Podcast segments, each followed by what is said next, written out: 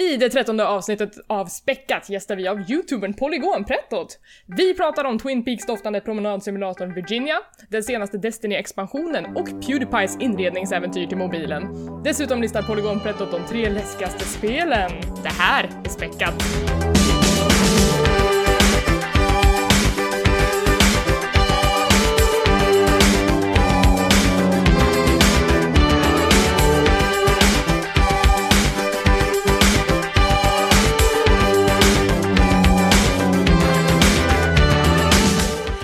Och välkomna till Späckat, en podcast om spel och allt runt omkring. Det här är avsnitt 13 och jag heter Elisabeth. Jag heter Niklas. Och jag heter Tommy. Och idag är en väldigt, väldigt speciell dag för vi har faktiskt den första gästen någonsin i Späckat, nämligen David, även känd som Polygonprettot. Yes, yes. Jag är här. Ni behöver inte klappa. Det behövs inte. Välkommen! Tack så hemskt mycket. Det är väldigt kul att vara Välkommen, här. välkommen. Ja, det är härligt att ha dig här först och främst. Eh, ska, vi, ska vi berätta lite om, om vem du är? Eller kan, vill du dra en kort pitch? Eh, Jag kan dra en kort pitch. Sure, det känns som att jag gjort det här så många gånger så jag kan bara köra. Nej men eh, ja, jag är en sån där person som pysslar med en massa nonsens på YouTube. Eh, mer specifikt eh, spelrecensioner på svenska, för det kände jag eh, runt slutet av gymnasiet att det fanns det väldigt lite av på YouTube, alltså just svenska spelrecensioner. Paus, att, eh, när gick då- du på gymnasiet? Eh, det var eh, mellan 2010 och 2013. Ja men käre barn. Ja. ja, jag vet. Jag är fruktansvärt ung och, och precis alla vill påpeka det. Eh, men, ja, precis. Så slutet av gymnasiet bestämde jag mig för att jag skulle börja eh, göra videorecensioner på YouTube under namnet Polygonprettot och det finns en lång historia bakom varför det namnet blev just det jag valde. Eh, Finns det inte en kort? Jag är ju supernyfiken. Det var en av de första frågorna jag skrev upp. Okej, för vi kan hoppa på det på en gång. Vi kan hoppa på det på en gång då. Eh, jo, men det är så att nu får vi gå väldigt långt tillbaka. För väldigt länge sedan så brukade jag blogga på Game Reactor. Och eh, jag var redan då känd som den där unga tonåringen som skrev om väldigt sådär, inom väldigt stora citattecken, djupa saker. Eh, jag var en pretentiös tonåring helt enkelt. Eh, och eh, det var något som följde med mig även in i senare tonåren när jag gick på gymnasiet. Och där så fick jag en textkommunikationslärare för att jag gick mediaprogrammet, jag ville bli journalist. Och hon genomskådade mitt skrivande som jag hade fått så mycket praise för på Game Reactor tidigare och hon gav mig smeknamnet pretentiös pojke. Och eh, under hela min gymnasietid så var jag så här supersporrad att liksom motbevisa henne. Bara nej, fuck you, jag kan visst skriva som en riktig människa. Jag är en riktig pojke, goddammit. Eh, så, eh, ja men den namnet hängde kvar under alla de där åren, typ, även fast jag blev bättre så, om jag skrev till exempel någon synonym som jag egentligen inte behärskade men som jag tyckte lät lite snyggt liksom, då, då klev hon in där och bara, ja det där är lite pretentiös pojkefasoner hörru du. Eh, och hon visste att det, att det retade mig något enormt. Eh, men sen så insåg jag, när jag väl skulle skapa ett namn till YouTube-kanalen att säga okej, men jag har ju blivit kallad för ett pretto de senaste tre åren eller så. Så det känns ju givet liksom att det, det måste vara med i namnet. Och sen så Ja. måste det ju syfta på ett eller annat sätt på spel. Och då tänkte jag bara, ja men polygongrafik? Eftersom att det är framförallt, alltså jag kommer ju inte snacka väldigt mycket om retrospel. Så jag kommer ju jag kommer hålla mig mer till spel som typ Playstation, tidiga Playstation och framåt typ. Eh, Så polygongrafik, så då blev det polygonprettot, kort och gott. Underbart namn måste jag säga. Det alltså- rullar bra i tungan. Alltså det är, svårt, det är svårt att hitta på namn till sig själv. Man får ju ångest om man ska typ så här, nu ska jag hitta på ett nytt och coolt namn när jag ska gamea. Eh, för det gjorde jag ganska nyligen och det är superjobbigt. Oh ja, det är det. Jag är jättenöjd med det jag faktiskt lyckats komma på, men andra har ju snackat om det, som jag känner, som valde namn ganska tidigt och sen så nu när de har blivit lite äldre så ångrar de det något ofantligt. Nu sitter man och heter så här Sniper King 90. Ja, ja men precis. Jag hade en kompis som, eh, som kallade sig själv för Kodsmurfen en gång i tiden. Så det här drar ju med en hela livet nästan. Jag har ju ett gammalt, min första hotmail har jag ju fortfarande kvar som jag använder förstås. Det är, kossor är gula. Finns, finns ingen logik bakom det alls. Fast den var ju rätt bra. Jag gillar den. Den är, den är söt, men eh, jag, jag vet inte, jag tror jag mest var förbannad för att jag inte hittade någon slags Tommy 84 eller Tommy 1337 eller någonting. Det var det upptaget. Ja, det blir kossor gula och så bara registered. Fan. Kan vi inte bara berätta varför vi heter som vi heter också eftersom vi fick en fråga om det nu precis innan. Vi tänkte hoppa över den men eh, Toste frågade ju igen eh, varför, varför heter vi Späckat? Finns det någon historia bakom det namnet? Uh, och det, det ska väl jag svara på egentligen för att jag gick runt och fnulade på ett namn för att jag ville göra någonting som hade med spel att göra men jag visste inte riktigt vad det skulle vara för någonting uh, back then. Uh, och då tyckte jag att späckat var ett så himla bra ord för att det kan syfta på så mycket olika saker inom gaming. Dels så, så späckar man ju till exempel karaktärer eller vapen när man väljer olika så här vad ska man säga, spurk, äh, perks eller specificeringar eh, till dem. Men sen kan ju späckat också vara när man spektatar någonting, det vill säga när man tittar på när någon annan spelar i ett spel.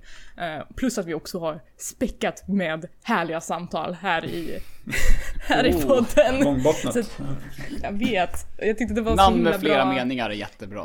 Ja men jag tyckte det var så himla bra ord och sen så kom eh, Niklas och Tommy och sa att hej ska vi ha en podcast? Jag bara, jag vet vad den kan heta. Den kan heta Späckat. Och där har vi det. Och sen ville jag ha en katt som exploderade medan den spelade tv-spel, men det fick jag inte ha. vi skulle väl ha en val också? Ja, Valspäck. valspäck. Ja, det var väldigt mycket konstiga idéer där. Men, men namnet är ju otroligt viktigt eh, känns det som man eh, nu ska göra podcast som vi, eller som du eh, gör, har en YouTube-kanal. Att det måste liksom, det, det känns, det är nästan som ett artistnamn man bär med sig då. Eller har jag fel här? Nej men det håller jag med om tusen procent. Det är det ju liksom.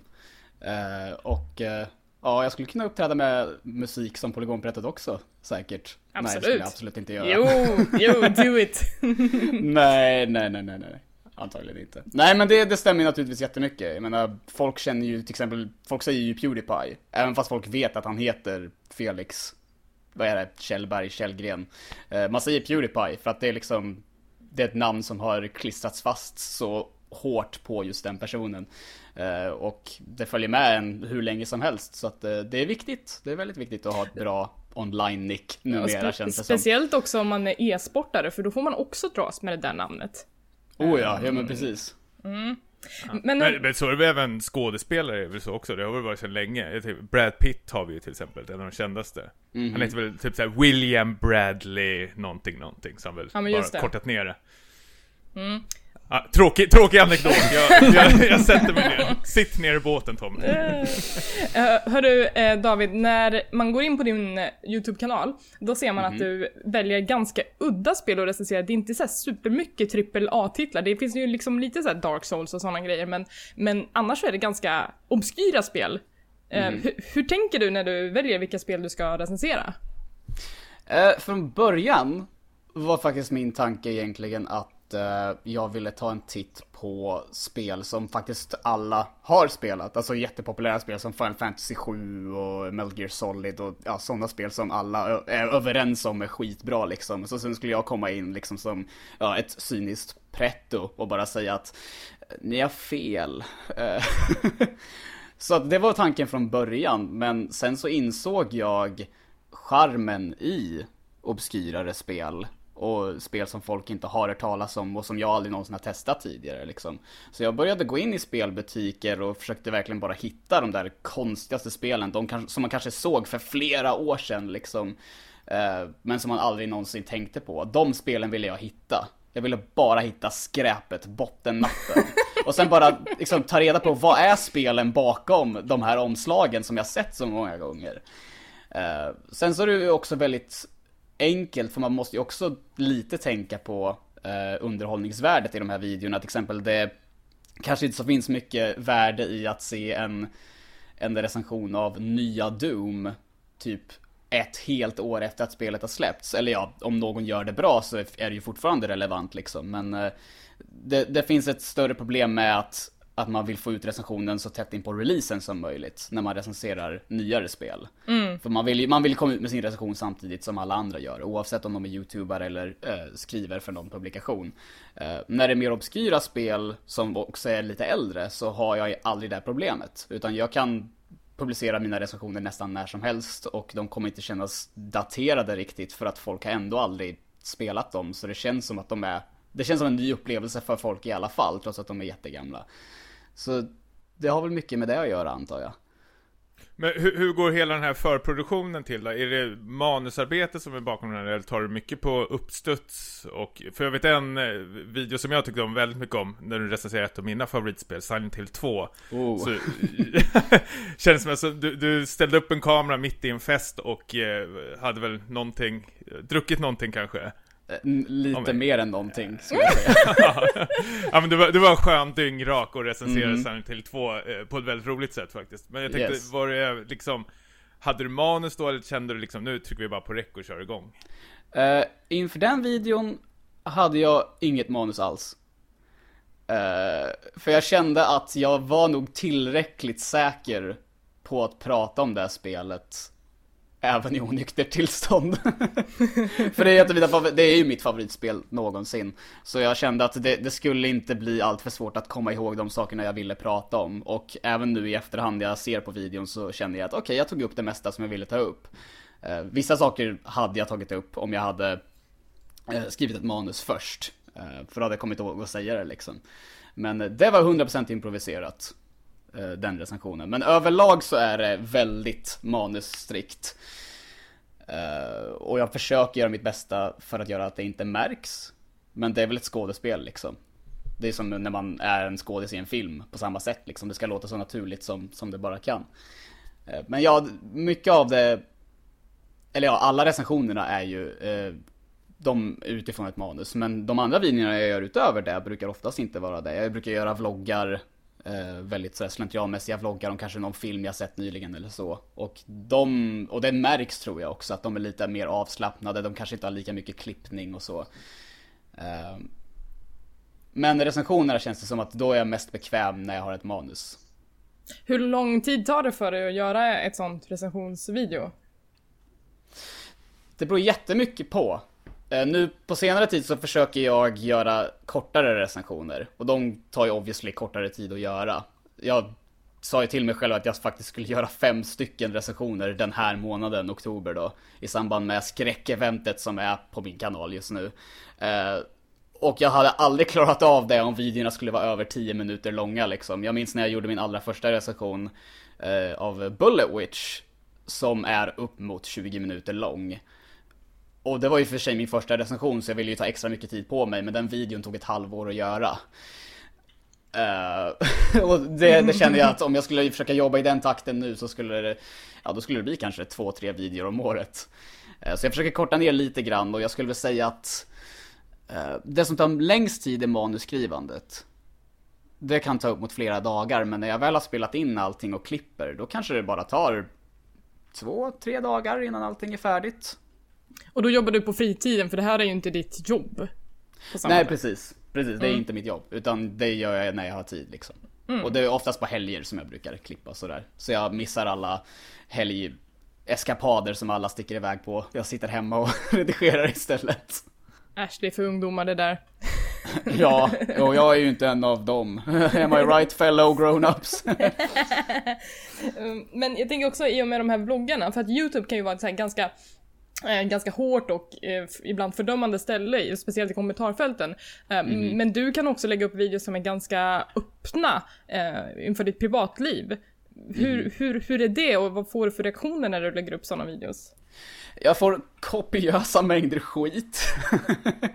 det ska jag inte sticka under mattan alls. Eh, jag tror det började när jag gjorde en video där jag pratade om varför jag pysslar med det jag gör. Eh, och det var en väldigt öppen video där jag pratade om min egen uppväxt och eh, hur jag tycker det är orättvist hur eh, spelprofiler behandlas på nätet och så vidare. Som Anita Sarkeesian, Zoe Quinn och liknande.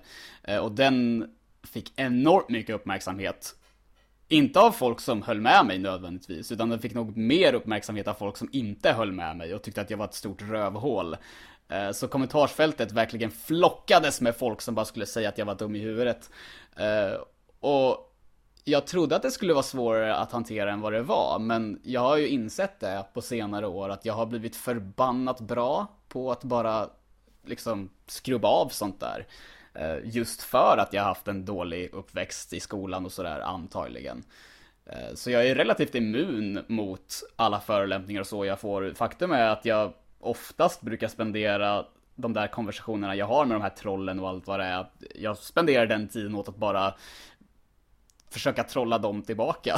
Jag tycker det är, skit, ibland, jag tycker det är skitroligt att bara typ svara någon fullkomlig, eh, rent ut sagt idiot med att bara länka till en video eh, där Jim Carrey gör ett irriterande ljud i tio timmar i sträck. Det var ju också en gång, det var ju också en gång där du bad en person att, att eh, länka till sin Tinder. Men, ja, jag tyckte att det var en sån charmig typ, så jag bara shit, du, kan inte vi ta en kaffe någon gång liksom? Så här, finns du på Tinder? Han svarade aldrig. Jag blev så besviken, jag vet fortfarande inte om han finns på Tinder. Jag tyckte vi hade någonting. Men det, det är ju det där med kommentarsfältet, det känns ju, det, alltid när jag går in på YouTube-klipp och sånt där, det är ju där oftast de största asen hamnar, men det, det är ju oftast det man ser i de här negativa kommentarerna, det känns som de som mm tycker om videos när man tittar på oftast kommenterar inte alls. Eller har, har jag fel här? Det känns som den här negativa tar ju upp så otroligt mycket plats, mer än vad de bör få göra. Eller de bör inte alls få någon plats alls, men... Ja men det, det är sant. Alltså, att jag... man blir liksom insnöad på det, att bara det kommer en kommentar så räcker det nog för att man ska liksom bli så här: oj jävlar vad är det här för galning? Och så blir man helt paranoid av det där kanske, eller ledsen eller liknande. Ja, men jag förstår hur du tänker och det ligger sanning i det definitivt. Uh, för att det är förvånansvärt hur, hur mycket energi folk som ogillar det man gör lägger på det du gör. Gud vad min katt håller på och springer runt just nu. uh, nej men de, det, det, jag, jag kan göra den här jämförelsen. Att om jag ser en video där någon gamer-gatare har liksom sagt någonting som jag tycker är jättedumt. Jag tänker ju inte spendera min tid åt att skriva i det här kommentarsfältet. Jag bryr mig inte tillräckligt mycket om den här personen för jag tycker ju att han är helt knäpp. Eh, om samma person skulle se en av mina videor så skulle han antagligen spendera tusen paragrafer till att förklara varför jag är dum i huvudet. Eh, så det blir mycket så att det känns som att det negativa ibland kanske tar upp en för stor del av kommentarsfältet. Men jag har ju lyckligtvis sådana fantastiska, rent ut sagt fantastiska tittare. Och jag vet att nästan alla youtubare säger så, men eh, jag, jag, jag, har verkligen genuint fantastiska tittare som inte bara överröstar mig med kärlek så att jag inte behöver tänka på de där idioterna. Eh, men de, de käftar även emot de som dyker upp i mitt kommentarsfält och beter sig som as. Så att jag behöver inte riktigt känna mig som att jag är helt ensam heller. Så eh, jag har min fantastiska community att tacka för det. Att, att den där skiten ändå inte känns lika, så, lika stor som de vill att den ska vara. Vad skönt. Mm. Uh, vilken av alla dina recensioner skulle du tippa på är den som har fått uh, bäst respons? Alltså den som folk gillar allra mest och uppskattar? Oh, uh, på senare tid skulle jag säga att det är min recension av Harry Potter och ett vises sten. Den är fantastisk. Jag uppmanar den... alla som, som lyssnar att titta på den. Den är jätterolig. Det får ni jättegärna göra. Det är den påkostad en... eller är det liksom? ja, ja men lite grann. James Cameron regisserar. ja, Ridley Scott var med på ett hörn också. Ja, eh, Bra kille, eller jag vet inte, jag känner honom inte. Uh, nej men, uh, jo precis. Den var faktiskt lite mer påkostad för att jag var faktiskt i en professionell studio och hade en en green screen bakom mig så jag kunde få en snygg bakgrund och sådär. Eh, och eh, det känns som att jag hade lite mer tid åt att jobba med den och ja men överlag, jag tycker att det är en av mina roligare videor som jag har gjort. Eh, och så är det en av de snyggare också. Men utöver det, jag, jag, vet inte, den som har lämnat det största avtrycket är ju antagligen Biocock Intimate. What? Den, det här har jag missat. tack, tack gode gud för det, men nu kommer du ju kolla upp den i och för sig så att... Mm. det var nog inte bra att jag sa det. Men ja, det var väl typ där som, som saker började spåra ur totalt, för då hade jag hittat en, en porrparodi på Bioshock Infinite. som är väldigt välgjord faktiskt. Oh, det ska man då ge utvecklaren cred för. Okej, okay, det är ett spel. Ja, det är ett spel. Um, det finns inte så mycket interaktion i det om man säger så, men det är allra högsta grad ett spel. Man kan bestämma när, när böcker ska komma och allting. Det är jättespännande. Är jätteroligt uh, namn. Ja, nej men så det, det var ett spel som inte nog med att det, ja, min video fullkomligt togs bort eh, på grund av att någon menade att de hade rätten till videon, vilket de inte hade. Så att, eh, det var ett jättestort drama kring det. Men sen så har ju videon sedan dess fått alltså över 10 000 visningar. Antagligen av massa amerikaner som trodde att de hade hittat porr. Och eh, sen så här, var här surfas in. Ja, och så var det bara en, en svensk med tandställning som satt där och snackade om hur obekvämt allt var. Och då tyckte de att det var obekvämt och stack direkt liksom. Men den har väldigt många visningar i alla fall och folk pratar fortfarande om den med mig. Så att det är väl antagligen den som har lämnat största avtrycket. Även om det kanske inte är den som folk gillar mest. Um, på, tal, på tal om eh, då, du, du, nämnde lite tidigare att du har ett skräckevent på din kanal. Uh, yes. Och vi, vi har ju bjudit in dig just nu lite för att vi skulle prata om någonting som du arrangerar i slutet av den här månaden. Yes. Nämligen skräckafton. Den 28 yes. oktober. Vad händer då? Exakt. Ja, vad som händer då är, det, det är väl en, en naturlig uppföljning på vad jag gjort de senaste två åren. Förra året så gjorde jag något som hette Hallostream 15 och året innan det så gjorde jag någonting som kort och gott hette bara Hallostream. Eh, och det började med att jag och några vänner bara satt i min dåvarande etta i Örebro och sen så krökade vi jättemycket och spelade skräckspel eh, inför min YouTube-publik. Och tittarna gillar det, vi gillar det antagligen ännu mer. Eh, så då, då, kände vi bara, fan det här måste vi göra igen. Och jag, jag bestämde mig för att jag vill styra upp det, göra en större grej av det liksom till året som kom. Och eh, då blev det Halvstream 15 och det var i en ordentlig studio och ja, det, det var jäkla nice där. Det hade en massa gäster och så också.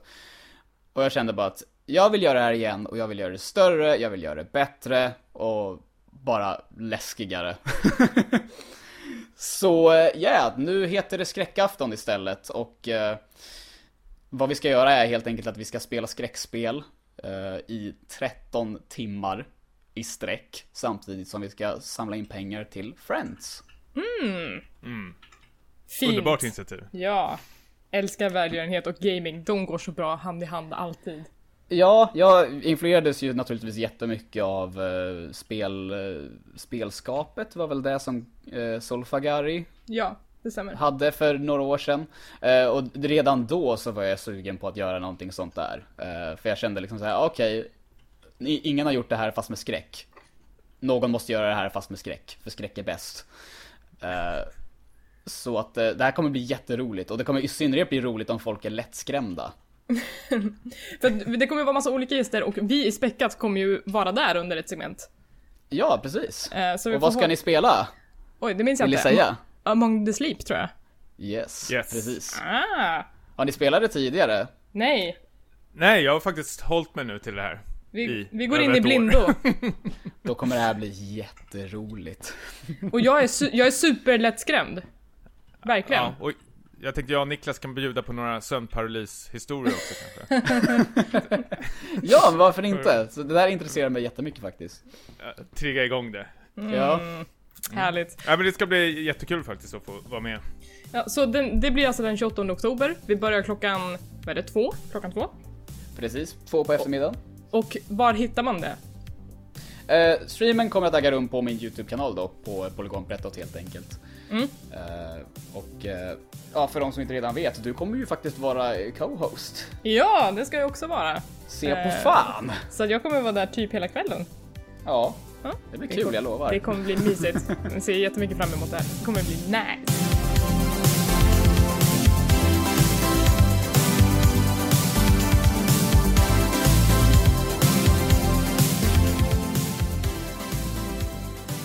Ehm, ska vi prata lite spel, hörni? Ja! Nej. Nej. spel. Nej. Spel är the worst. Eh, jag tänkte faktiskt dra en liten e-sportnyhet först, innan vi går in på vad vi har spelat för någonting. Eh, det har nämligen skett en stor slam i Starcraft-världen. Så här, alltså nu, spelet har ju varit lite på dekis kanske för den stora publiken, men, men det har nämligen varit så att en, en utlänning, som man kallar det, har vunnit en koreansk tävling i Starcraft 2 för första gången, eller i Starcraft överhuvudtaget för första gången på 16 år. Det här är enormt. Är det därför, är det därför han blir stämplad som utlänningen? Nej men alltså i Starcraft-kretsar så, så kallas alla som inte är koreaner för utlänningar för att Sydkorea dominerar så oerhört mycket i Starcraft att resten liksom bara är skräp. Nice! så, att, så att alla andra kallas för foreigners i den här scenen. Eh, och det, och det, har varit, det har faktiskt varit lite problem med det för att eh, det här stora världsmästerskapet som Blizzard arrangerar i Starcraft eh, Eh, det har varit en del kritik mot det för att de började släppa in sydkoreanska spelare i de till exempel amerikanska och europeiska kvalen. Eh, och då kvalade det helt plötsligt sydkoreaner från alla regioner och så blev det liksom inga utlänningar kvar. Eh, så att det är verkligen på den nivån att koreanerna är så mycket bättre. Men nu har det alltså kommit en amerikansk yngling som kallar sig för Nib och sopade banan med sin motståndare på Kespa Cup som gick av stapeln nu häromveckan. Så det var otroligt Sopar kul. banan till och med. Ja, det var, jag tror det var Oj. 4-0 i finalen. Hoppla. Oerhört spännande final, kolla in den. Det finns eh, vods på YouTube. Ehm, så det, det är liksom en liten ljusglimt i Starcraft-världen som man ändå inte hör supermycket ifrån idag. Hur, hur tar koreanerna det här då? Det kanske vi inte vet än. Jag har inte, jag har inte superkoll på hur liksom det har reagerats i koreanska så här, medier och communities eller så, men Det är red alert. Men det har väl hänt, alltså, det var någon som skrev i, i Barcraft-forumet att eh, eh, det var någon som frågade vad är det som händer? Då var det någon som svarade han har vunnit koreanskt medborgarskap. Fast, Men då måste man ge upp sitt eget medborgarskap ju. Vad fan är det där? nej men det, är inte, Korea är nej, det stämmer ju inte. det. Det stämmer Nej, inte. okej, ja. Men det var lite så att, alltså, jag tror att det är väldigt så här, man får mycket respekt. Eh, Det är mycket utlänningar som har tränat och övat i Sydkorea och liksom fått nicknames av koreanerna så att de har ju ändå en viss respekt för bra spelare oavsett vart man kommer ifrån. Eh, så det är De super, heter inte random country längre.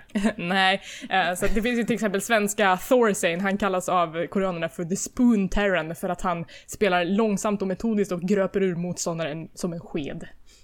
Eh, mycket gory. ja, så det, det var lite från, från e-sportvärlden.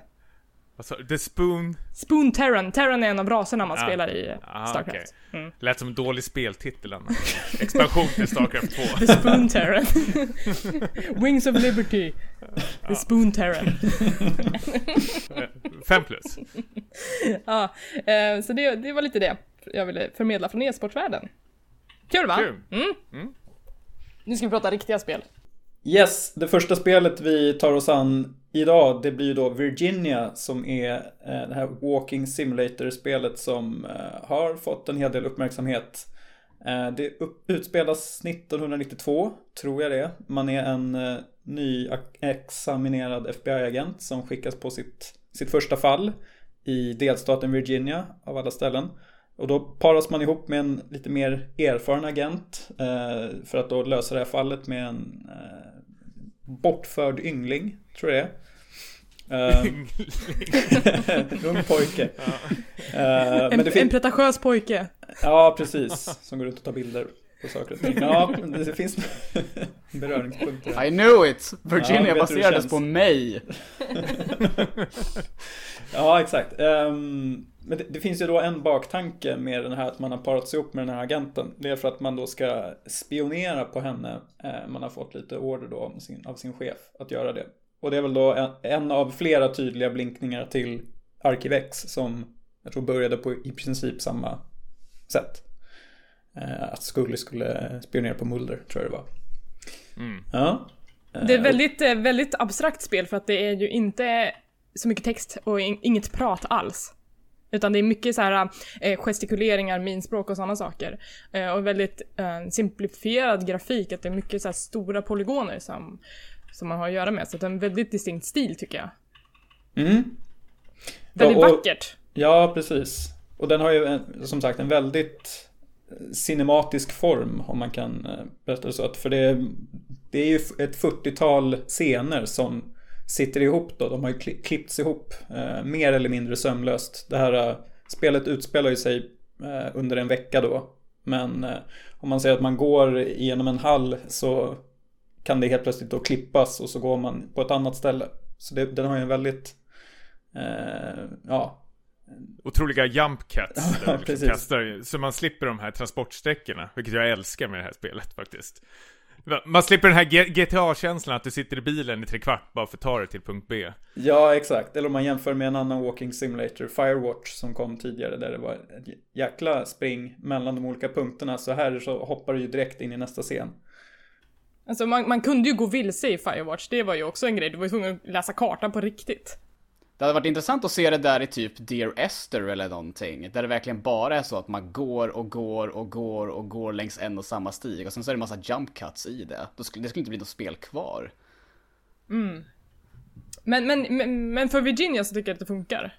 Absolut, det håller jag med om. Och det tycker jag är en av spelets, alltså största plus. Alltså den visuella presentationen. Dels det, den simpla grafiken som ni nämnde, men också det att eh, det känns inte som att de klipper bara för att. Alltså de klipper ju när det känns vettigt och nödvändigt.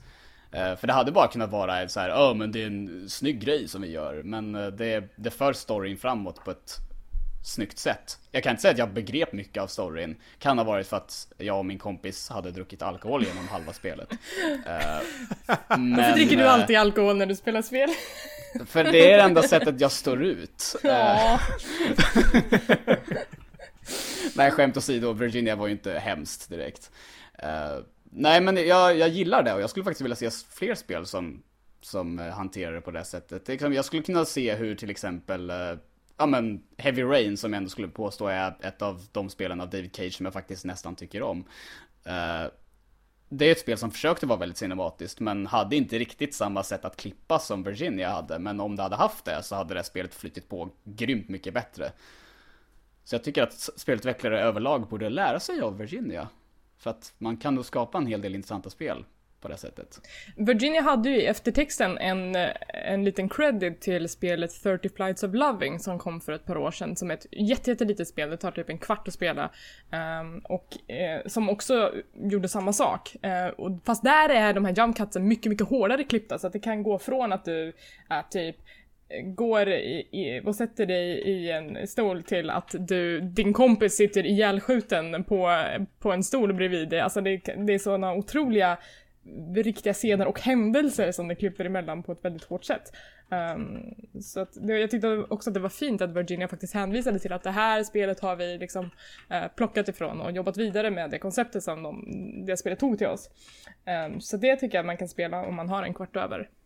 Uh, supergulligt spel. Men, men, men Virginia var också så lite kryptiskt. I slutet då kände jag bara att What the fuck? Och det är väldigt mycket symbolik att de använder mycket djur för att Uh, jag vet inte riktigt vad de vill säga med de här djuren och jag tyckte att det blev lite kaka på kaka för att det var väldigt mycket djur. Att det kanske känns som att man vill vara lite för kryptisk. Jag vet inte, fick ni samma känsla? Vad var det? mycket djur, fyra av tio. var det en fågel, en buffel, var det något mer? Nej men att de återkom så många gånger och sen mm. så mhm. var det lite så här, betyder de olika saker? Vad betyder de? Jag har ingen aning. Mm. Fågel, frihet, är det väl alltid? Fanns det en vit häst också, eller tänker jag bara på Twin Peaks nu? jag tror det är Twin Peaks. Fanns det, fanns det en vit häst i Twin Peaks? Ja, jag är ganska säker på att det gjorde. Ja, det gjorde det.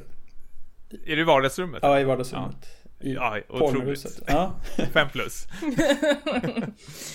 ja, äh, men äh, Twin Peaks, äh, när vi pratar om Twin Peaks, det är ju otroliga referenser till Twin Peaks Särskilt den här scenen när man är i baren och så är det något band som spelar ja. på scenen där. Det Tänkte låter ju verkligen som Twin Peaks introt. Ja, vad fan heter eh, gruppen nu igen? Eh, Julie Cruise.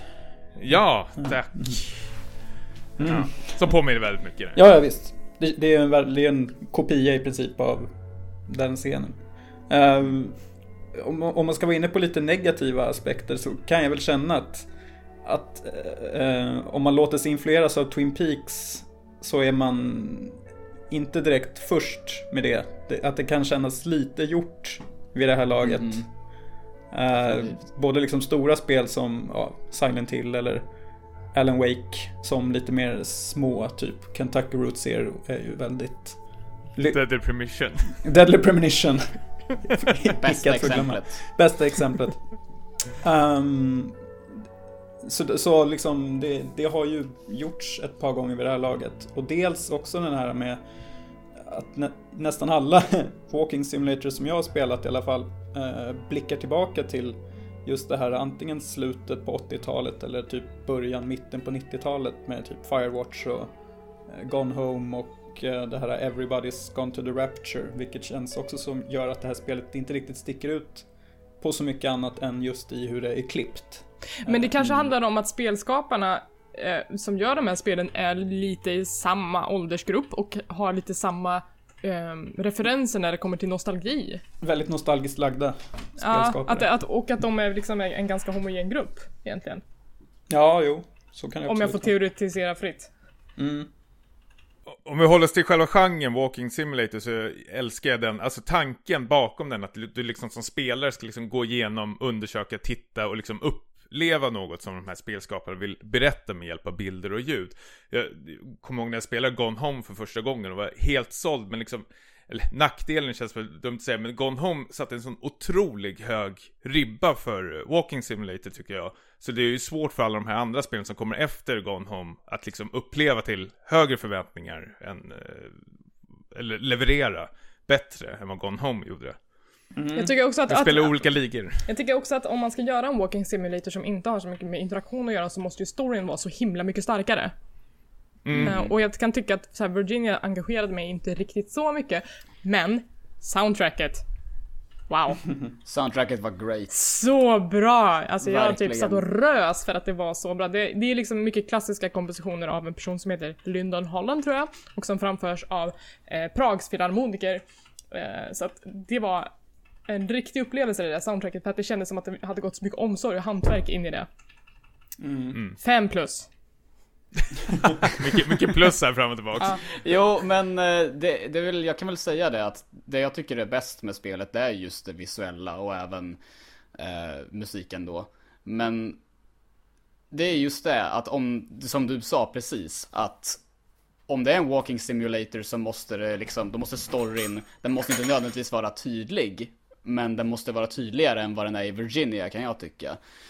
Eh, jag uppskattar att de försöker göra ett spel som inte har någon dialog överhuvudtaget. För det är trots allt ett visuellt medium, så då har vi ju liksom möjligheten att kunna förmedla saker utan att använda ett enda ord. Och det finns både filmer och spel som antagligen har lyckats väldigt väl med just det.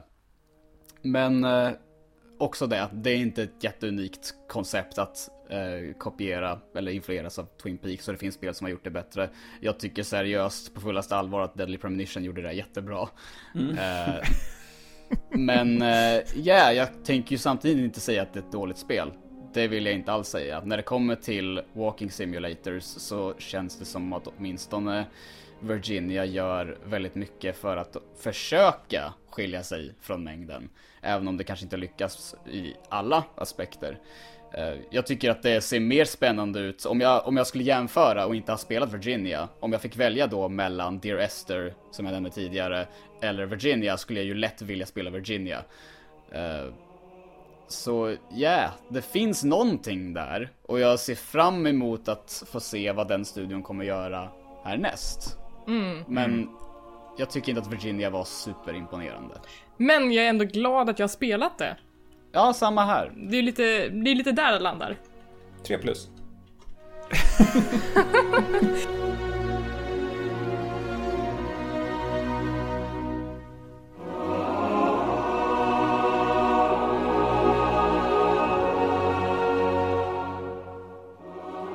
vi går vidare då. David, du har spelat någonting som vi faktiskt har missat att ta upp i den här podden för vi har inte spelat den, nämligen den nya expansionen av eh, Destiny som heter Rise of Iron. Eh, jag, den har varit väldigt närvarande i mitt liv för att min sambo eh, är en väldigt inbitet Destiny-fan så att jag har ju liksom, eh, jag har blivit av med min sambo. Men jag vet ingenting om spelet för att det är så lika avlägset för mig. Så kan du, du inte berätta lite vad, vad för nytt Rise of Iron tillför till Destiny? Ja, det, det där är det stora problemet med Rise of Iron kommer in. Det finns inte så mycket som känns nytt. Uh, och det, om jag har förstått det rätt, jag har inte haft jättegod koll på nyheterna kring Rise of Iron, men om jag har förstått det rätt så har Bungie själva gått ut och sagt väldigt tydligt att så här, okej, den här expansionen kommer inte vara lika stor som The Taken King, det kommer liksom inte vara lika mycket nytt och spännande så, men det är en, det är en expansion, det är mer grejer att göra och så vidare. Eh, men jag, det bör sägas på en gång att jag inte spelat jättemycket av till exempel multiplayer-aspekten av eh, Rise of Iron, för jag tycker anta att de har tillämpat lite nya grejer där liksom. Eh, jag var intresserad av att ge mig in i i storyuppdragen. För det var det som stack ut med Taken King. För grundspelet Destiny var ju dessvärre ett spel som led ganska enormt av fruktansvärt tråkig och repetitiv bandesign, eller eh, uppdragsdesign snarare. Eh, och en total, nästan total brist på en ordentlig story. Och dialoger och cutscenes och allt vad det är liksom. Det var ju så eh. konstigt upplagt med deras story där, som man kunde samla något kort här för mig. Ja, man exakt. var tvungen att länka in till deras hemsida, så var man tvungen att liksom logga in på Bungies hemsida och läsa på mer liksom. Det var så jävla konstigt tyckte jag. Då fick ja, de lite de... klick på deras hemsida. Ja, men precis. De, de förväxlade eh, story med lore. För det var ju vad de korten var och fortfarande är, för de finns ju kvar i Destiny. Mm. Det, det är ju liksom, det kort som beskriver lore som skulle kunna ha beskrivits i själva spelet kan man tycka. Men eh, ja, yeah, med Taken King så löste de ändå det problemet med att de faktiskt gav oss en story, de gav oss dialoger, de gav oss cutscenes behöver inte nödvändigtvis betyda att spelet är bra, men alltså bara att de fanns där visade att de försökte mer än vad de gjorde med, med grundspelet.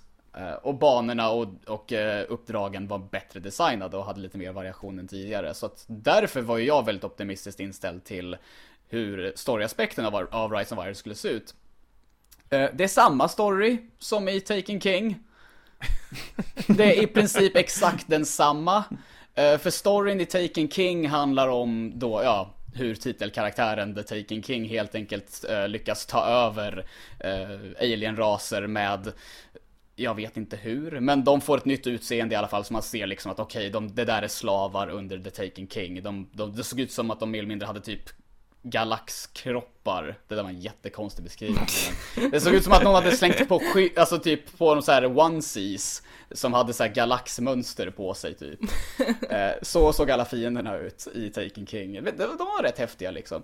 Men problemet är att det är också typ det de har gjort i, i Rise of Iron. Allting börjar med att man får reda på att en gång i tiden så fanns det ett gäng med eh, riddarknuttar som hade som uppdrag att göra mer eller mindre vad du som en Guardian gör idag. Och eh, de begav sig in i någon håla någonstans och lyckades släppa lös någonting som inte skulle släppas lös. Eh, någon hemsk röd geggamoja typ som också tar över sina hosts och förvandlar dem till någonting annat än vad de var innan. Eh, så vad vi har här, det är en story som handlar om istället för eh, galaxfärgade fiender så har vi nu röda fiender. de är bara reskinnade ja, ja men mer eller mindre liksom. Det är ju fortfarande fiender som man mött tidigare. De har typ några nya unika attacker som att de skiljer sig från de fiender man har mött tidigare. Men de känns igen för mycket. Och det här är det lustiga. Så här ska, så här ska jag jämföra och förklara eh, Rise of Iron. Föreställ er, eh, jag tänker anta att alla har spelat Combat Evolved. Nej. Första Halo-spelet. Nej. Ja. ja. Okej, okay, eh, men då kommer några av er förstå i alla fall. Eh, föreställ er banan då The Flood introduceras. Kommer inte ihåg. jag kommer inte ihåg, pass. Ja, men, ja, men okej. Poängen här är att The Flood introduceras i alla fall. Den här nya fienden, den verkar livsfarlig och den tar över saker och whatever. Eh, och man tror att oh shit, det här kommer ju ta upp en stor del av spelet framöver. Föreställ er om den konflikten tog slut tre, av, eh, tre uppdrag senare. Bara, oh, The Flood finns inte kvar längre. Det är lugnt, det är löst. Okej, okay, varför var det här med då? Ah, jag vet inte. Det är Rise of Iron. För att den konflikten med den här varelsen som de säger är livsfarlig och den får inte släppas lös liksom. Den konflikten tar slut efter bara några uppdrag. Och sen är det lugnt. Men det kanske är för att de vill leda in i Destiny 2, att de vill verkligen avsluta? Eller? Ja, alltså jag kan Lite inte för säga tidigt att, att göra det. det ja, det, det, känns inte som att den här expansionen ger något form av closure överhuvudtaget för Destiny som ett som sitt eget spel liksom, men jag förstår ju, det är ju kopplat till Destiny 2 på det sättet att antagligen så vill de ju få ut någon expansion i år, i synnerhet med tanke på att The Division kom ut i år också. Um, så de ville få ut någonting, men vad de väldigt tydligt jobbar på allra främst just nu är ju Destiny 2. Annars så skulle den här expansionen varit större. Det skulle vara matigare och skulle ha en ordentlig story. Eh, så det, det, här känns som en kompromiss mer än någonting annat och därför måste jag säga att jag är ganska besviken för The Taken King lämnade en god smak i munnen efteråt liksom och bara Det känns som att nu, nu skärpte de sig, nu ska de göra bättre saker hädanefter Men vi får antagligen vänta på Destiny 2 för att få se någonting som är i samma liga som Taken King. Dessvärre. Ja men det, det tror jag verkligen för att regissören de tog in, eller Bungie anställde för att göra Taken King, eh, fick ju direkt jobbet att eh, regissera eh, Destiny 2. Mm. Så då har de ju tagit in någon annan, eller jag vet inte, det är väl någon B-team som de har väl tagit in då och gjort den här senaste expansionen bara för ja. liksom kasta ut någonting medan han har nu blivit förflyttad till att göra Destiny 2. Så jag håller ju tummarna som bara den på Destiny 2 när jag fick höra den här nyheten. Tänkte jag, varför, varför, ska jag spela den här expansionen? Mm. Men, men, men i Destinys försvar, eh, så, eller då The Rise of Irons försvar, så känns det väl också som att de har styrt upp lite i multiplayer. För det har ju det har varit det som min sambo har spelat mest, att de raidar mycket ihop och kör mycket PVP. Eh, och typ en grej som de har infört är ju custom matchmaking, som inte har funnits innan. Ja, Precis. Uh, vilket, det är ett bra tillskott. Uh, för att uh, de vill ju liksom kanske försöka få till någon slags e-sportsgrej. Kanske. och det har ju varit totalt omöjligt för att det enda sättet man har kunnat komma i en match med no några som man ska spela mot är att köa upp samtidigt och hoppas på det bästa. Jättekonstigt ja, tycker jag. Men det har ju kommit nu äntligen. Ja. ja, var det efter ett år? Mer än ett år? Precis. Ett och ett halvt. Jag, jag förstår, för jag, jag gillade Destiny till en början, men sen upptäckte jag, alltså som, de här raidsen där man är tvungen att vara sex personer. Det är liksom, du måste ha dem i din friends list för Vilket att kunna göra bullshit. de här raidsen. Det är så bullshit. Alltså att man måste ah, ha vänner. Det, jag, trodde, det jag, trodde du sa att, jag trodde du sa att jag var bullshit. Det ja, ja, jag, var, jag, jag, insåg, jag insåg la, det. Jag la mig ner på golvet och jag, insåg, jag insåg när jag sa det så här, hoppas han inte tolkar det på det sättet. Det gjorde jag. Nej naturligtvis, det, det stämmer ju 100% det, att, att du måste ja. ha vänner. Och jag tycker att det är just det som är bullshit. Att, uh... Man vill bara göra någon slags så här matchmaking, bara tryck på kryss och så börjar leta efter andra spelare som man bara hoppar in med. Ja, exakt. Liksom här, det, det som hänt då är så här, nej men du kan ju gå och leta på forum på internet efter folk som vill spela. Jag, jag pallar inte hålla på och skriva så här, Hej Tommy 08 1337 här, uh, do you want to play with me? Och, uh, ja. Det är så man får det, vänner. Det funkar inte så. Ja. Med de orden också. Ja, precis. Nej, jag, jag, tycker det är jättekonstigt. Det hoppas jag. håller verkligen tummarna för att de fixar det för, eh, inför Destiny 2. Att jag bara kan hoppa in i ett ja, random raid och raida med helt random personer. Jag, jag, förstår faktiskt inte varför man inte har med det. Ja, men kontentan är alltså ganska tunn story och mer hopp inför tvåan. Ja, Eh, jag ger inte upp hoppet på Destiny 100% liksom, även om egentligen majoriteten av innehållet inte är superbra. Eh, men det, det, känns ju som att de har antagligen lärt sig i alla fall. De gjorde Taken King av en anledning. Just för att grundspelet fick väldigt mycket kritik för vissa saker. Så att jag, de, de sparar på det bästa inför Destiny 2. Det är vad jag vill tro. Och om de fuckar upp även med Destiny 2, då ger jag upp. Så känner jag. En chans till.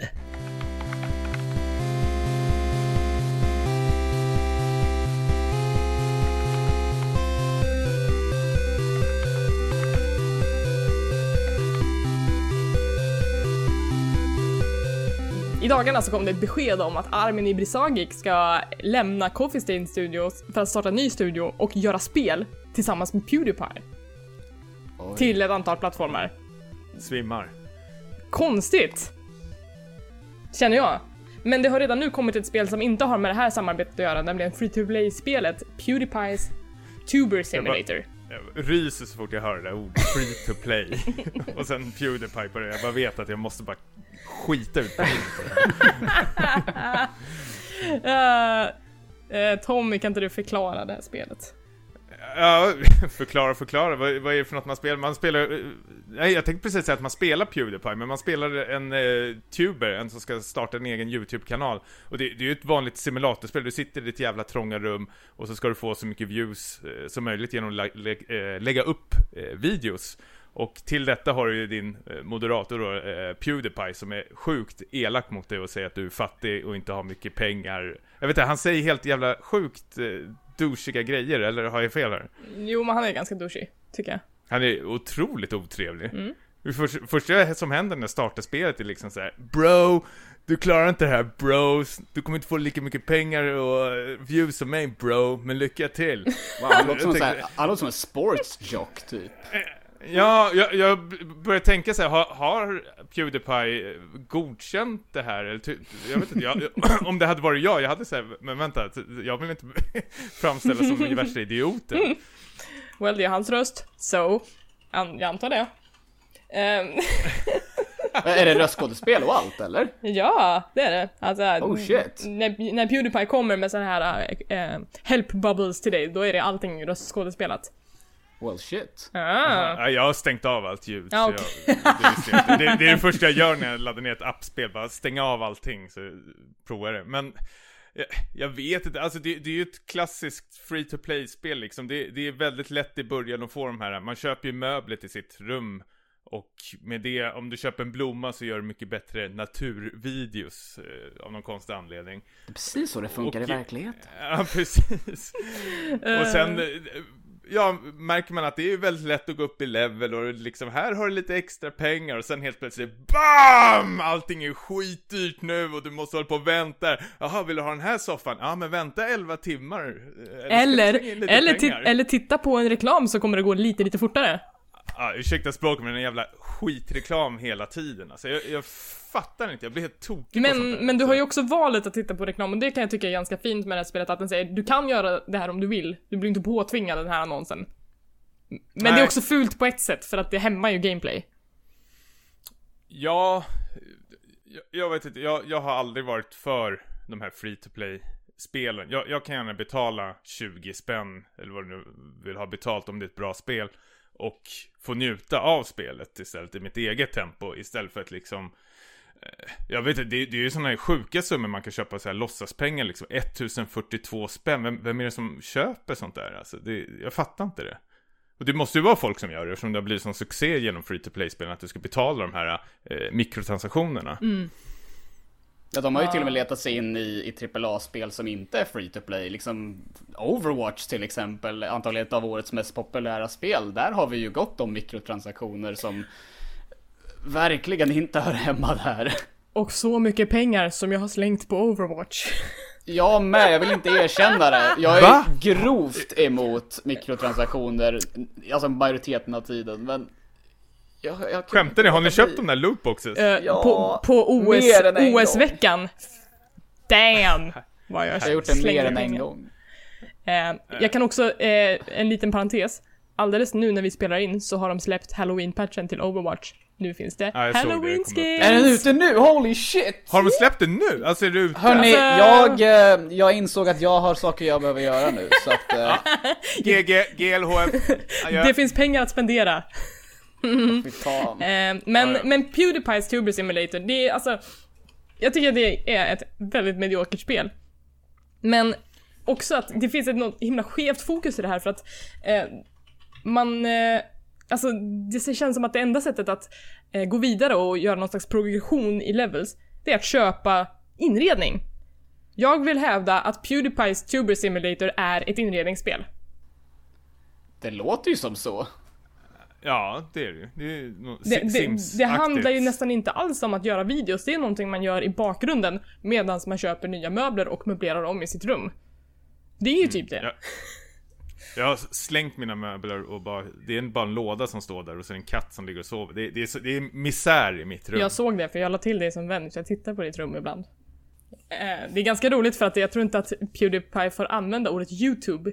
Så att det står bara tuber överallt. Aha. Men är inte det lite tuffare att använda det ordet än YouTube? Nej, för att, för att vid, en, vid en tidpunkt så tror jag att han i sitt manus håller på att försäga, försäga sig och säger YouTube, I mean tuber.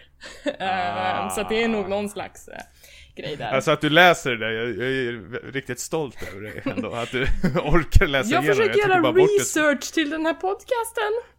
Jag bryr mig.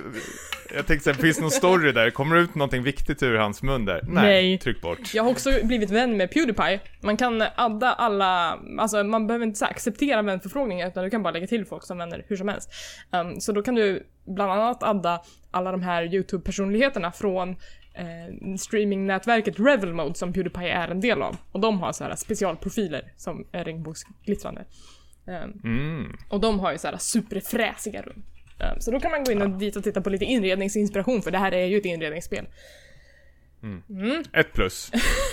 Men eh, jag tänkte att eftersom vi har dig med oss här David. Eh, Ja. Tycker du att det här låter som livet som youtuber?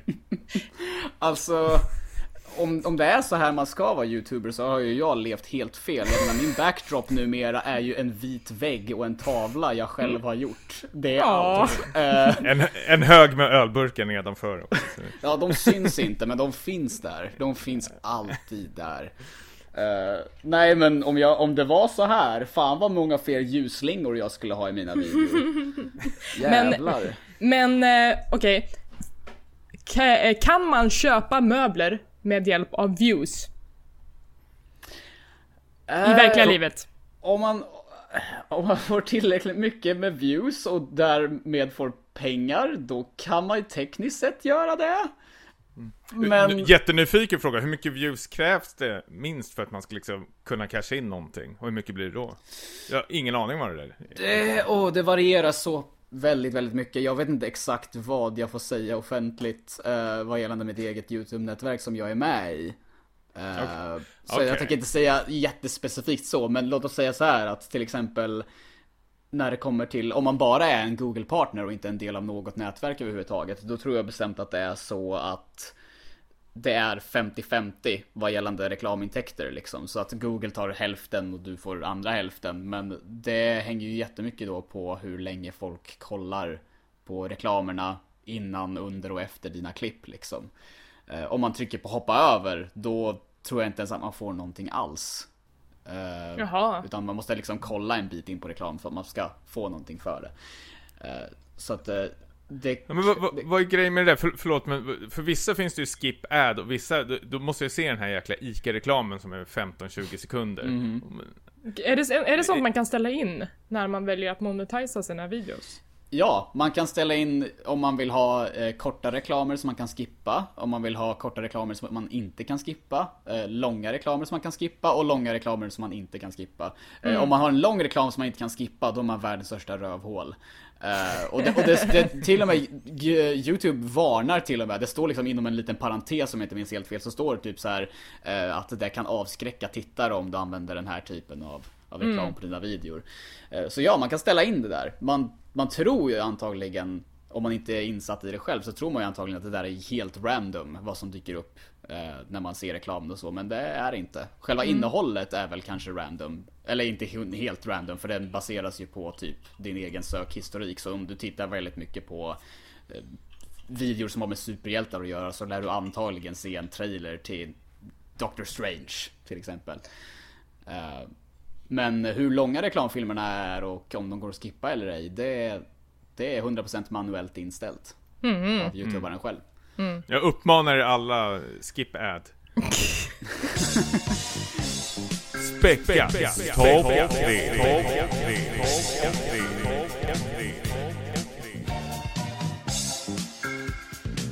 Okej, så listan som jag har tagit fram här idag är då alltså de tre läskigaste spelen. Vilket känns rimligt eftersom att det ändå är snart är det dags för skräckafton och halloween och allt vad det är. Så då är det rätt nice att ha några spel som man kan eh, spela fram tills dess. Helt relevant. enkelt. Yes, och det bör ju sägas att eh, det här var en väldigt svår lista att koka ihop eftersom att eh, det är subjektivt vad som är läskigt och what not. Men eh, jag kan säga utifrån det jag själv har upplevt på senare tid så är det här antagligen spelen som, som har skrämt mig som allra mest. Och då tänker jag börja med ett spel, plats nummer tre då, som antagligen är lite, jag ska inte säga kontroversiellt, men det kommer finnas väldigt många människor som inte har någon aning om vad fan jag pratar om eller hur jag kan ha med det här spelet på listan. Eh, Det är Five Nights at Freddy's 4. Oh, Alltså det är inte bara ett Five Nights at Freddy's spel, det är det fjärde spelet. Och då kanske ni undrar, varför i hela friden har du med det här på listan? Jo, av den enkla anledningen att spelet är förvisso väldigt likt sina föregångare på det sättet att du är en person som befinner dig i ett och samma rum, du kan inte röra dig särskilt mycket. Eh, Du har dörrar på vardera sida eh, som du måste kika ut genom och kolla om det inte finns en massa mördarrobotar som är ute efter att eh, ta sig in. Oh. Och det, den stora skillnaden mellan fyran och föregångarna är att till exempel så har du inte någon säkerhetskamera eller du har inga säkerhetskameror överhuvudtaget så att du kan se hur omgivningen utanför ditt rum ser ut. Eh, För du spelar som en liten pojke i sitt sovrum. Ah, nu vet jag vilket av dem det är. Är det här som har det kontroversiella slutet? Av dem? Oj, det vet jag inte. Jag vet inte vad som skulle... För du vågade inte spela klart. Det gjorde jag inte. Jag säger det direkt. Jag spelade aldrig klart det för att jag vågade inte göra det. Och det säger en hel del för att jag, jag har inga problem med skräckspel. Om man säger så. Eh, Men det här, jag har ett stort problem med det här och den största anledningen är att eh, hur du ska göra för att ta reda på om ett monster är utanför en dörr. Så måste du gå fram till en av dörrarna, öppna den och lyssna efter, och, och, lyssna. Du måste lyssna efter andetag inom fy citattecken för det är robotar som, jag vet inte hur de andas men man, man, man ska lyssna efter ett ljud de ger ifrån sig i alla fall. Eh, Med andra ord så är den här varelsen precis framför dig men du ser den inte. Oh. Men sekunden du tänder din ficklampa är du fucked. Och om det är någonting jag tycker är grymt läskigt så är det att veta att någonting finns där, men du ser det inte. Och det är vad hela det här spelet handlar om. Du har ingen aning om vad monstret är överhuvudtaget för du har ingen blick utöver ditt eget rum. Du kan inte vara säker från något håll. Till och med ryggen kan någon helt plötsligt bara hoppa ifrån och liksom eh, ha ihjäl dig. Eh, du är inte säker någonstans, allt är becksvart. Eh, och inte ens ljuset kan du lita på. Eh, för att hålla dig vid liv. Så att av den anledningen så hamnar FNAF 4 på min tredje plats. Är det någon av er som har spelat Five Nights at Freddy's? För jag har inte spelat något av de spelen. Dels för att jag är jättesvårt för skräckspel överhuvudtaget, jag tittar inte på skräckfilm heller. Men det här är ju en YouTube-succé vad jag har förstått det som. Att det är så här, det är ett, Oh ja. ett spel som folk gillar att reagera till och sen så postar vi videos på det på YouTube. Det första var ju oerhört obehagligt trots att det var liksom så här typ eh, det någon slags gosedjur eller någonting som försöker, för, försöker attackera en. Eller maskotar eller vad man nu säger. Ja, Animatronics. Ja. Eh, eh, det var... Jag skulle inte våga spela upp till fyran tror jag. Jag, jag spelade första spelet en halvtimme och sen skadade jag mig och sen var jag tvungen att avinstallera det. Ryggskott. Sl- Nej, men jag slog i knät i eh, skrivbordet och gjorde skitont. För att du blev rädd? Bra betyg. Ja, jag vart rädd. Ja. Det är inget fel att bli rädd. Nej, nej, det är det som Men är det, det är såna jävla eh, cheap scares i det där spelet, alltså på positivt sätt. Jag gillar, jag- tycker det är kul när de kommer fram och bara skriker rakt upp i ansiktet på en och så har man ju hörlurar såklart och så hoppar du till, du rycker ju till med hela kroppen. Och eh, ja, jag har ju själv, jag fick ju inte plats. Benen fick inte plats. Du, mm, Så jag skadade mig, ja. fick vara hemma, Men det är det som en är- månad. Oj. Nej, jag skojar. Det hade varit värt det. Eh, nej men eh, jag vill påpeka någonting angående det där med jumpscares för övrigt. För att det är någonting de här spelen inte riktigt får någon cred för alls. Eh, många som inte gillar spelen ger ju Five Nights at Freddy's skit för att de handlar bara om jumpscares. Jumpscares är inte läskiga liksom. Men det har aldrig varit vad som har gjort de spelen intressanta. Eller spännande för den delen allt som är bra med Five Nights at Freddy's är ju det som händer fram tills jumpscaren dyker upp. Det är den där spänningen att man inte vet om någonting kommer skutta fram. Man vet inte hur nära fienden är eller om man är körd eller om man faktiskt har klarat ett skift liksom. Uh, den osäkerheten är ju vad som gör spelet läskigt. Eller spelen överlag läskiga. Jumpscaren är liksom bara punkten på slutet. Det är liksom ditt fail state. Du får inga jumpscares innan du har förlorat, så att säga. Ja. Så det är ju din Det är bestraffning. ditt straff man får. Ja, ja men precis. Så eh, av den anledningen så tycker jag inte ens att spelets jumpscares är någonting dåligt. Nej. Men det, det är ju så jävla intensivt i det här spelet också. Det går ju... Det går ju så jävla snabbt och man måste vara liksom på tårna hela tiden och liksom när det väl händer då är man uppe i varv redan och då drar det på ännu mer när det, väl, det där djuret hoppar fram. Mm. Plats två nu då. Snabbt sett. Plats nummer två, och bear with me nu för att väldigt många har haft, eller jag ska inte säga väldigt många, men det finns människor som har haft ett problem med att jag har påstått detta. Eh, på plats nummer två hittar vi Dark Souls. Oj. Eh, och jag har, sagt, jag har sagt det flera gånger att Dark Souls är ett skräckspel. Varpå någon rakt ut har skrivit till mig att jag är dum i huvudet för att jag påstår att det är ett skräckspel. Det var Eh, Niklas. Ja. Ja. Vi ses i rutan om fem minuter. Eh, Yes. Nej men alltså, och det här är det bästa exemplet jag kan ge. Jämför huvudmenyn i Silent Hill 2 med huvudmenyn i Dark Souls. De är exakt likadana. Det är precis lika tyst. Fonten tar upp nästan lika mycket plats. Och liksom presentationen överlag. Det presenteras som ett skräckspel. Sure, det är dark fantasy, så man kan ju argumentera liksom att ja, men det är ju ett fantasyspel med mörka inslag, det är ju inte ett skräckspel per se. Men då kan jag motargumentera med eh, hur, precis som ett bra skräckspel borde göra, så får Dark Souls döden att spela roll. Mer än många andra spel lyckas med numera faktiskt. Eh, du är ständigt rädd för att förlora det du håller som mest kärt i det här spelet, det vill säga dina souls. Eh, Monstren du möter är Ja, i början kanske de inte är så läskiga. Det kanske är standardskelett du ser. Det kanske är några undead knights. Det är inte några riktigt kusliga saker du möter. Men sen kommer vi till bossstriderna. Och de blir bara värre och värre och värre och värre. Och det finns liksom en drake som har typ ett hur ska man ens beskriva det? Hans bröstkorg är liksom blottad och det ser ut som att den består av typ 23 000 tänder. Uh, och det låter inte som någonting som skulle vara med i ett vanligt rollspel. Det låter som någonting som skulle vara med i ett fucking skräckspel. Uh, och det är just det där att man man känner sig alltid underlägsen. Hur kraftfull du än blir, hur mycket du än levlar, hur bra vapen du än har. Så kommer du alltid frukta döden och du kommer alltid frukta nästa bossfight. Och därför är Dark Souls lätt ett av de läskigaste spelen någonsin. Och man skulle ju för sig kunna påstå att Bloodborne är ju ett liksom läskigare spel och ett bättre skräckspel för att det är ett spel som väldigt tydligt är menat att vara ett skräckspel, alltså mer så än Dark Souls för att det liksom utspelar sig i en gotisk, nästan Lovecraftisk miljö. Eh, Men Dark Souls vinner på att man inte förväntar sig att det ska vara så läskigt som det är. Känner jag. Jag tycker att du, du har övertygat mig. Eh, Jag har inte spelat Dark Souls, men jag tycker att du motiverar din eh, ståndpunkt bra. Yes. Jag, jag håller med som bara den. Jag avskyr Dark Souls, men det, värsta paniken jag får är ju när man går in i ett rum, till exempel en kyrka och tänker gud vad trevligt, undrar vad finns här inne? Och så BAM! Stängs dörrarna så är det en boss som kommer och så har man så här 10 000 souls på mig och då får jag sån jävla panik i kroppen. Och bara, nej, nej, nej, nej, jag måste överleva det här. Och då, det läskigt på det sättet. Mm, och det är en panik vi alla har känt som har spelat Dark Souls definitivt. Spelar ingen roll hur tuff man är, vi alla kommer skrika som barn när vi spelar Dark Souls liksom.